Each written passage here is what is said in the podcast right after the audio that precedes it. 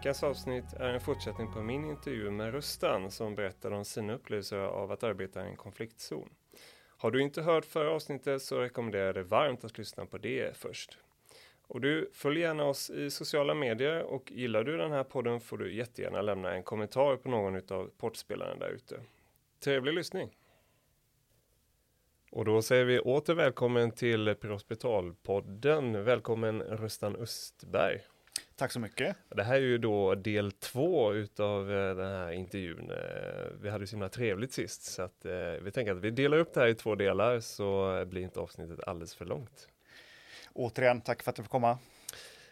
Vi avslutade ju sist då, det var ju att du kom hem ifrån din andra mission, men din första i Afghanistan, FS 18 där då, där du berättade lite grann om hur ni var utsatta för eldöverfall och lite kring livet där på de här eh, Forward Operation Base, alltså små baser som ligger på utsidan.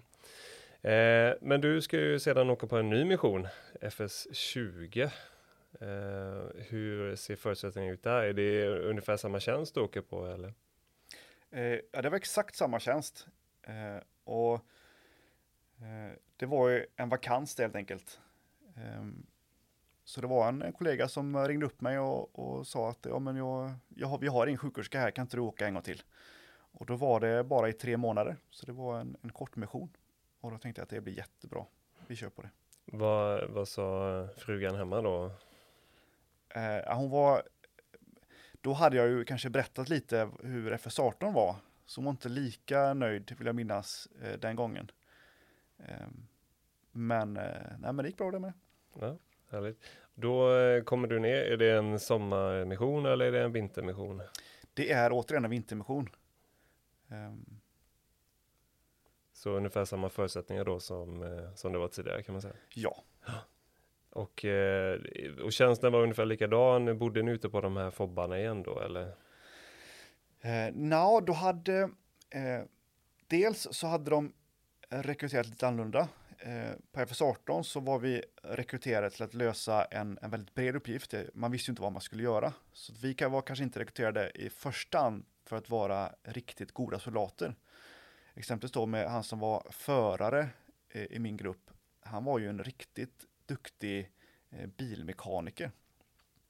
Han har varit ute tidigare som, som just detta och var i första hand inte soldat. Sen så FS19 så var man ju kanske i första hand riktigt duktiga soldater. Och FS20 behöver man rekrytera lite mer då, att man kanske valde mer, mer soldater. Ehm, men min tjänst, den var fortfarande samma sak, att man eh, att jag var en sjuksköterska i en liten enhet. Eh, sen hade man den vägen som jag oftast eh, hade, hade strider på, den hade man stängt. Den har man bedömt att den vägen den är för farlig för att åka på, så det slutar vi med. Eh, så istället då, man skulle fortfarande visa närvaro i den här byn Darsab då. Så då flögs man in med amerikansk hjälp eh, och så luftlandsattes man där och så var man där ett par veckor. Och så alternerade man, så det var inte bara vi som var där utan det var även de vanliga svenska förbanden som också var där. Mm. Eh, hur var upplevelsen då? Var det var hotet större på FS20 än vad det var på 18 eller hade det liksom börjat kontrolleras på ett bättre sätt? Eller? Hotet för mig var avsevärt mindre på FS20. Mm. Eh, I och med att jag slapp åka fordon på, på rälsmålsbanan. Ja. Eh. ja. det är en ganska enkel åtgärd då att eh, vi, vi stänger bara vägen så, så slipper vi problemet ja, det, var, det var jättebra. Och sen så sen bodde man där några veckor och då hade vi då hade vi rekvirerat eller fått låna ett ganska fint hus i den här byn. Jag tror att det var liksom byäldstens hus eller guvernörens hus i det området. Eh, så det var kanske, ja, det var ganska litet men vi kunde knyna oss där. Men det var ändå, det var, det var inte ett tält längre. Så det var lite mer skydd så. Och i och med att Darsab ligger i, i en jättedjup dalgång så vill man skjuta ner dalgången så är det ganska lätt. Också ganska svårt att bygga sig en mur som, som ger en skydd mot höjderna. Det går inte. Och att ligga då i tält som jag gjorde på FS18 när de var skjuta på, på nätterna, det är inte lika säkert kanske.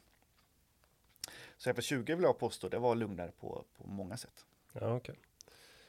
Ja, eh, innan vi började spela in här så berättade du om en eh, ganska så, eh, ja, en händelse som, som du varit med om som jag tänker att vi måste nästan ta med det som handlar just om en, en hotfull situation där, där det var en bomb involverat. Kan du inte berätta lite om det? Ja, jag, jag har kissat en gång på en idé. Eh, inte helt eh, bra kanske, men det lyckas jag göra. Eh, och då måste man ändå veta detta att jag tycker jag har, jag hade ganska bra kompetens i, i att hantera och leta efter idéer och eh, upptäcka hot och allt det här. Eh, vi hade lagt ganska många veckor på detta. Och det var en gång, återigen då när man åker på just den här vägen till Kusteppa. Vi visste att det skulle komma bomber.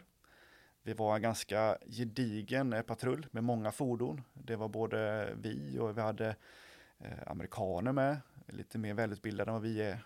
Eh, och så hade vi afghanska afghansk armé och afghansk polis som åkte med. Så det var en, lång konvoj som åkte med. Eh, och så stannade vi för att vi hade kommit till ett ställe där det är lämpligt att lägga en, en bomb. Alltså en vägtrumma eller någonstans där det ger bra sprängverkan. Och så hade man gått, gått av eh, och så har jag börjat leta efter bomber. Och mitt fordon, jag tror att vi åkte näst sist i konvojen, vi åkte ganska långt bak, så vi ser ju inte vad som händer där framme. Eh, men när man då stannar så, så gick jag ut mitt fordon, jag och eh, flera andra. Och så letar man efter tecken på att det ska finnas i det området. Man letar efter eh, vad de har grävt nyligen, ifall det finns några antenner eller några batterier eller någonting som, som gör att risken finns då. Och jag letade jättenoga. Eh, alla letade jättenoga. Eh, och sen när man tagit sitt varv där så kommer man tillbaka till sitt fordon. Eh, och så vill man ju inte då kissa på en öppen yta för när man släpper fokus så vill man ju kunna göra det när man har skydd bakom en bepansrad bil. Så jag kissar bakom bakdäcket. Eh, sen hör jag på radion att eh, ja, men det är lugnt, det var ingen mina där framme. Eh, så vi ska åka fram igen. Så jag hoppar in i min bil igen och så åker vi. Och så åker vi bara några meter. Ehm, och så ehm, passerar sista fordonet platsen där jag stod och kissade. Och så då är min kollega takskytt. Så jag sitter bak i fordonet. Ehm, men jag hör en sån duns. Och så ser jag hur sand och jord skvätter över min kollega som står som tonskytt Och faller ner i bilen så. Och så hör jag min kollega på intercomen på radion där att eh, Oj du, du eh, Rustan, där, eh, där stod du nyss. Ja.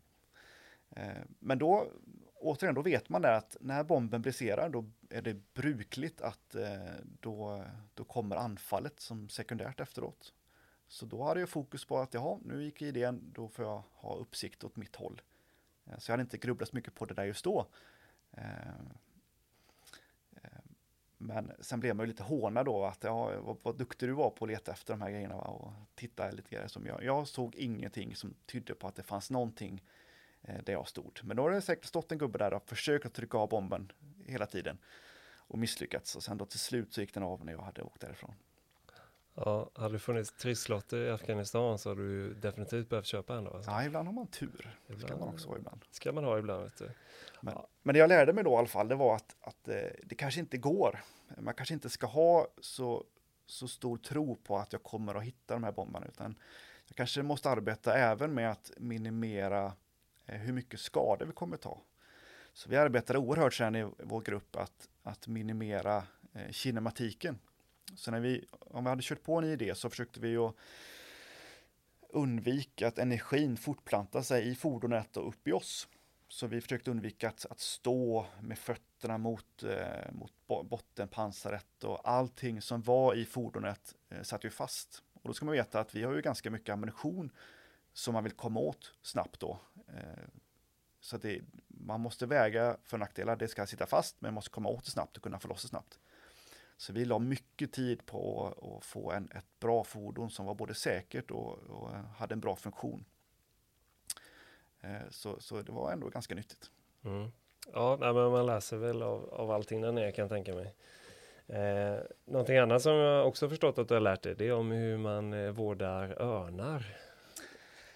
Eh, ja, eh, det var också, det var också i, i Darsab, i den byn där då, den här eh, dalgången där. Och då hade vi, på förmiddagen där så hade vi tagit upp ett gäng afghanska soldater som fick lära sig eller fick öva på att skjuta med sitt prickskyttegevär. Eh, så vi höll på där ett tag eh, och sen så tyckte vi att vi hade fått nog så vi gick ner. Men de var kvar.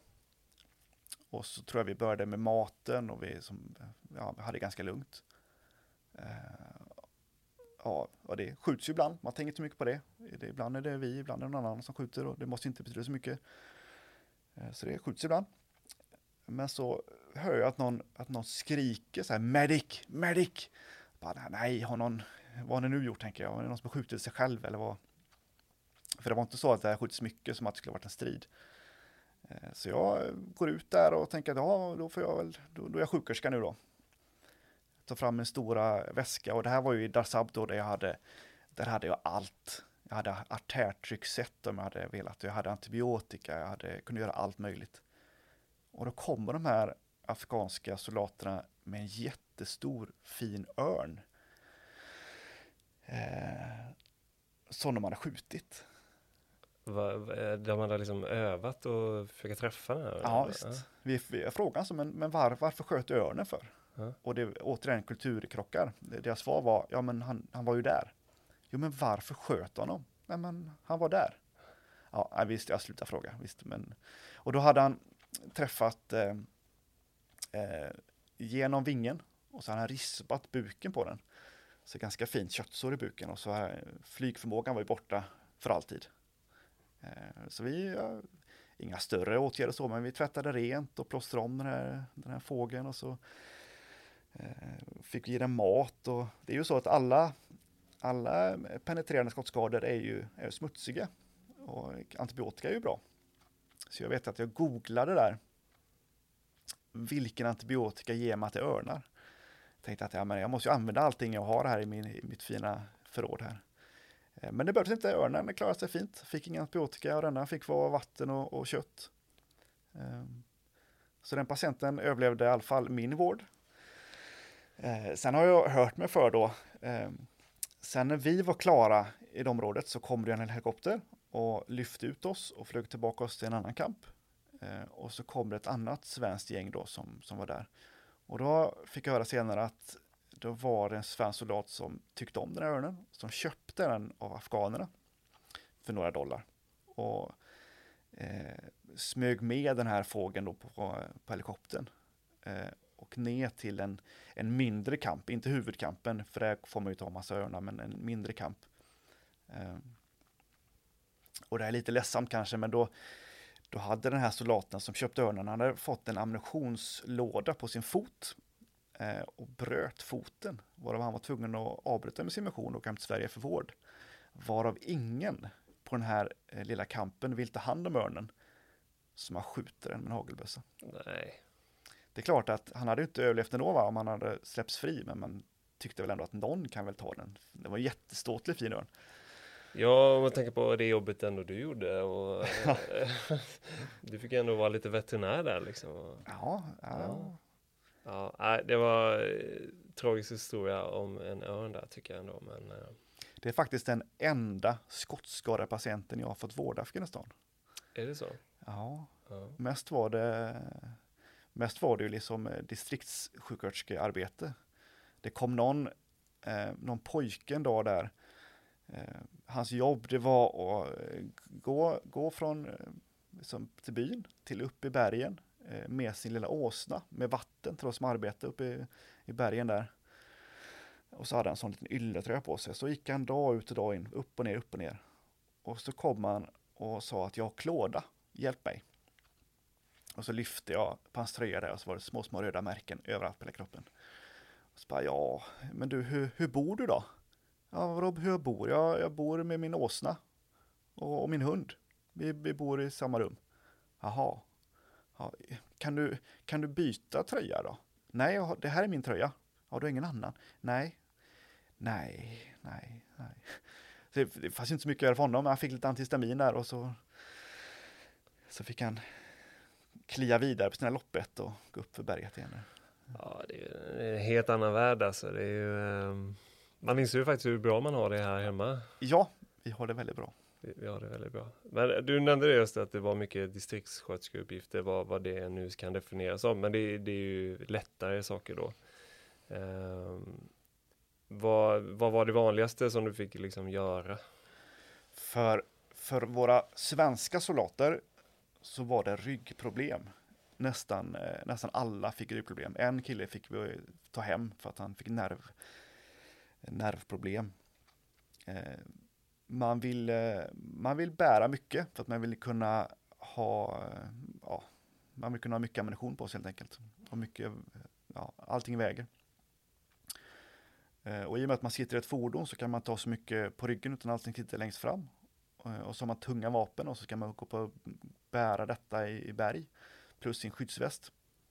Ehm, så alla bär mycket vikt framåt. Ehm, så alla fick problem med sina ryggar. Mm. Det var det jag la mycket tid på. Mm. Inte så mycket sjukgymnastik då, eller var det mest medicinering som egentligen? Eh, vi gjorde allt. Vi masserade och vi försökte med eh, ja, vi försökte ju få dem att inse att du kanske inte behöver ha så här mycket magasin på dig. Vi kanske kan ha lite i, i dörren av fordonet istället. Mm. Men det var, och det var också en av, av det svåra med att vara sjuksköterska i, i militärt kontext. Eh, man måste helt enkelt avgöra eh, vilka skador bedömer jag att jag kan ta hand om och hur mycket material måste jag släpa med mig? För om man då ska gå upp för ett berg och man ska kunna vara effektiv och orka med allting, då kan man inte ta med sig allting. Så jag vet att någon gång så prioriterade vi bort eh, skyddsvästen afghanerna själva, de springer runt i flipflops, ett magasin och sitt vapen. Och vi går runt med, med betydligt mer. Men då hade jag tagit bort från min sjukvårdsväska, så jag hade tagit bort allting som gällde avancerad luftväg. För jag bedömde att om jag får en sån skada uppe i berget så kommer inte jag lösa det med alla följdproblem som finns. Så jag valde bort det och så istället fokusera på att kunna lösa eh, så kallade stora C-problem, stora katastrofblödningar. Um, ehm, och så smärtlindring då kanske. Och så försökte jag kunna få hem mina skadade och kunna kontakta en helikopter. Och då blev väskan så mycket lättare och det fanns plats i väskan. Uh, och förutom sjuksköterska så var jag dessutom ansvarig för att kunna ladda om granatgeväret. Uh, Varav naturligtvis någon kommer och säger att ja, men jag ser att du har plats för två stycken lysgranater kan inte du bära dem? Så det slutar med att jag ändå är jättetung så vi kan ju naturligtvis, vi kan verka med våra vapen, men vi är helt slut när vi kommer för berget. Ja. Vad, hur mycket mediciner så har man med sig för, liksom, för en patient? Hur länge kan man klara sig om man får en, en, en skottskada till exempel? Liksom? Ja, nu fick man ju välja efter missionsuppgift. Eh, ska jag upp på berget med åtta gubbar så försöker jag ha så att jag i alla fall kan ge smärtlindring till tre stycken i, i ja, men åtta timmar då. Katalar eh, är jättebra i de lägena. Eh, när man rullar i en konvoj så har man ju jättemycket i, i sitt fordon.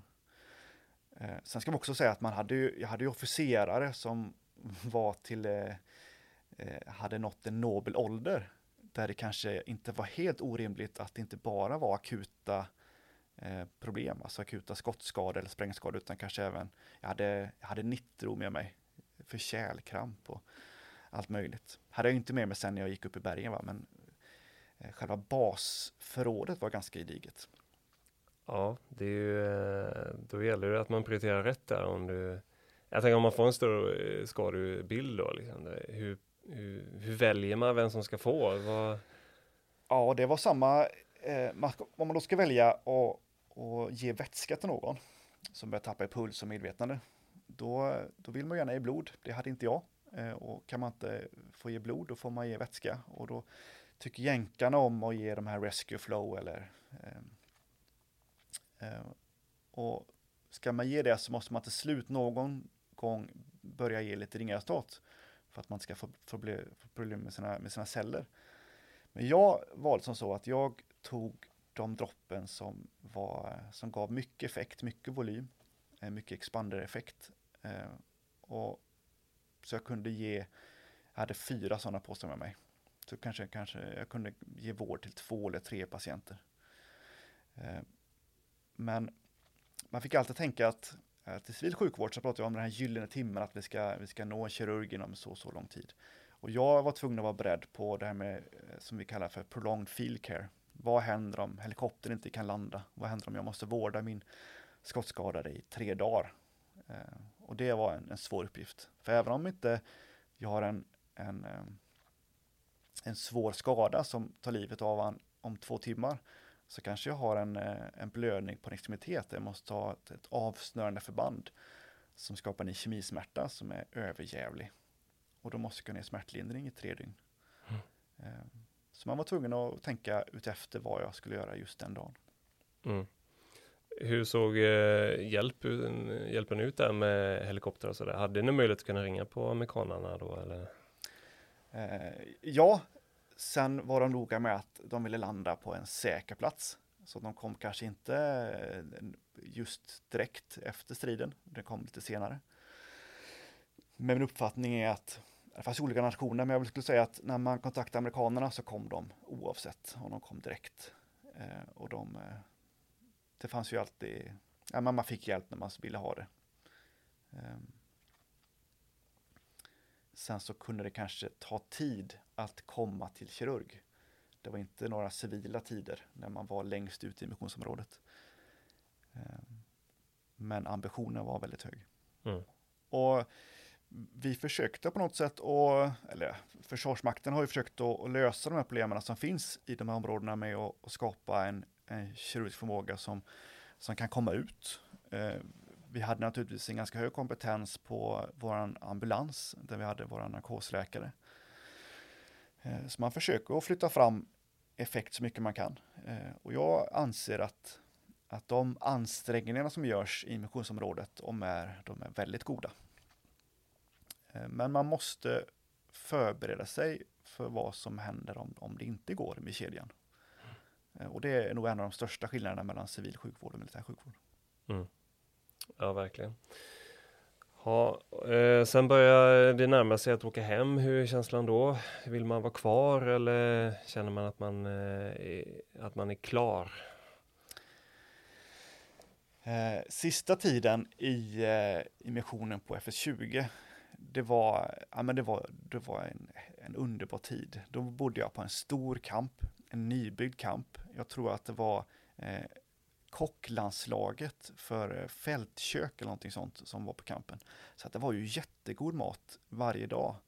Och eh, nej, men då, gjorde vi, då skulle vi utgå från den huvudkampen och så skulle vi då göra vad afghanerna gjorde.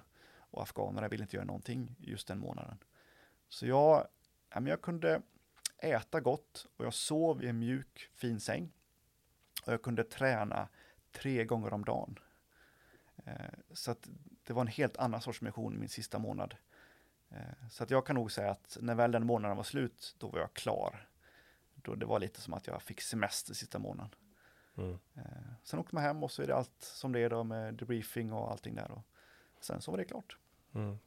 Ja, du säger det när du kom hem där så fick ni hur, så, hur ser den processen ut? Får man, får man hjälp eller om man känner att man mår dåligt på något sätt? Eller? Ja, det tycker jag verkligen. Jag, jag har nog aldrig mått dåligt så, men jag, jag vet att eh, från Balkantiden och kanske främst från, från Bosnietiden så har ju för, Försvarsmakten fått väldigt mycket kritik för sättet som man tog hand om sina veteraner på. Den psykologuppföljningen fanns inte kanske då. Nu finns den verkligen. Så när man kommer hem från, eller när jag kommer hem från mina missioner, så samtalar man i sin grupp och berättar vad man varit med om. Eh, och sen så pratar man individuellt. Och sen efter en stund när man kommer hem så ringer de och har uppföljningen. Och för, utöver det så har man ju då utbildning i eh, alltså stressreaktioner. Vad ska jag vara vaksam på när jag börjar må dåligt? Och det är väl summan att ja, men så länge du sover så, så är det ganska lugnt. Eh, men jag kan inte påstå att jag har haft några mentala problem. Kanske någon annan skulle säga tvärtom, men jag tycker inte det i alla fall. Eh, det kanske var en övergång, så, men det är det med allting man gör att när man kommer hem så kanske man fick för sig att ja, men det är nog bra att allting sitter fast i bilen. Helt eh, orimligt kanske, men lite sådana saker var det kanske. Mm. Men jag har inte på något sätt mått dåligt. Nej. Är det någon annan i din närhet som var med där nere som du vet har mått dåligt? Ja, det är det ju. Ja. Eh, jo, men det, ja, det vill inte jag prata om här, men det, det finns ju en del som mår dåligt. Mm. Ja, och det hoppas vi såklart att de får hjälp med. Ja, jo, men det får de. Ja, det är gott. Eh, vad skulle du känna då att du har tagit för lärdomar kring de här tre missionerna du ändå har genomfört här nu? Vad, vad tar du med dig från det? Eh, ja, jättemycket eh, vill jag påstå. Stresståligheten är jag nog ganska mycket bättre på. Eh, jag är ganska... Jag har inga problem med att, att vårda någon när jag inte har perfekta förutsättningar. Eh, visst, i ambulanssjukvården så ska vi titta i bilen varje morgon så att allting finns där. Men ibland så funkar inte någonting. Det kan vara att någonting eh, är slut eller någonting går sönder eller vad som helst. Eh, och jag tycker ändå att jag eh, har lärt mig att vara anpassningsbar. Och det är jag tacksam till. Sen har man fått kontakter för livet. Ehm, och jag tycker faktiskt att varje gång som jag går in i Försvarsmakten och fortsätter då att, att utbilda andra så blir jag själv mer kompetent i detta. Ehm, för det är lite samma som jag kommer ihåg att jag berättade förra gången där om han eh, Mike som sa I've been blown up five times. Ehm, att, att man, man lyssnar på en sån kille som har varit med om saker. Och vi försöker göra samma sak i, i försvaret, att när vi utbildar de som ska ner till Mali nu, så har vi gärna med folk som, som har varit i Mali, som kan berätta hur det ser ut där, hur förrådarna ser ut, hur rutinerna ser ut, hur man ska kalla på en, en medevac just i det landet, eh, hur kontakterna ser ut med övriga nationer. Eh, så det är ganska nyttigt att ha med någon som, som har varit med om saker. Sen måste man inte ha det, men det, det är lättare om man gör så. Mm. Men det kan ju vara bara så här små tips och tricks. Alltså eh, till exempel kunna beskriva hur faktiskt fordonen ser ut där nere eller bara en enkel sak som hur kampen är uppbyggd och det kan ju ge jättemycket information från någon som faktiskt har varit där. Ja, eh, visst är det så. Jag vet att du har ju varit i Mali och jag har för mig att när, vi, eh, när du gick utbildningen så för mig att vi hade en kille som var i Mali som hade någon timme när han bara pratade om detta, hur, hur det var där nere och så. Ja, ja men precis och då fick man ju en ganska god bild ändå av vad, framförallt vad som fanns där nere och man pratade lite om kring den här ja, till exempel matsal och det var gymmet och det stillar ju ganska mycket funderingar man har. Kommer man kunna göra det här? Kommer man kunna göra det? Och sådär. Så att eh, det uppskattade jag väldigt mycket i alla fall. Mm. Ja, men vad, Rustan, då, vad har du för råd till eh, andra som känner att de skulle vilja åka på utlandsmission eh, via Försvarsmakten då tänker vi framförallt eftersom det är det som du har gjort. Eh, hur, hur, ska man gå tillväga? Vad, vad ska man försöka satsa på för utbildningar och sådär? Eh, ja, men vilken bra fråga. Det, det finns ju jättemånga olika tjänster. Alla tjänster måste inte vara där man är en soldat eh, i en stor utsträckning. Man kan vara en, en alla är soldater, men man kan vara sjuksköterska mycket, mycket mer än vad jag var. Eh, och man måste inte alltid vara längst ut på linan. Man kan vara på, på en bas och utgå från, från basen eh, med andra svenskar endast. Och man kan jobba på en vårdcentral i ett missionsområde utan att för den delen bära vapen dagligdags. Eh, och det, det, är svårt där med att rekrytera sjuksköterskor, speciellt om man vill ha en sjuksköterska som har en, en soldatfähighet. För då vill man först att någon ska ha gjort sin, sin värnplikt, eller numera i alla fall någon slags tjänstgöring som soldat. Och sen ska han ha läst till sjuksköterska och så ska han då inte gärna ha skaffat massa barn under tiden, för då vill man inte åka ut. Eh, och så ska han ha ackumulerat någon slags fähighet som sjuksköterska, men ändå behålla sin kompetens som soldat. Så att han både kan vara eh, ja, i fysisk form och duktig soldat och duktig sjuksköterska för att sen kunna arbeta utomlands. Eh, och det, det, finns ju ganska få sådana. Eh, så om man varit i militära och man har eh, lagt några år på att bli en fähig sjuksköterska så tycker jag att man ska ta kontakt med, med Försvarsmakten. Eh, för det finns mängder med tjänster. Och man måste inte eh, åka ut. Eh, det finns ganska stor vinst i att bara eh, ta en T-tjänst. Eh, man får ganska roliga utbildningar som man inte får i civil eh, sjukvård. I civil, sjuk, I civil sjukvård så är det kanske mer fokus på produktion och pengarna går till det istället för utbildning.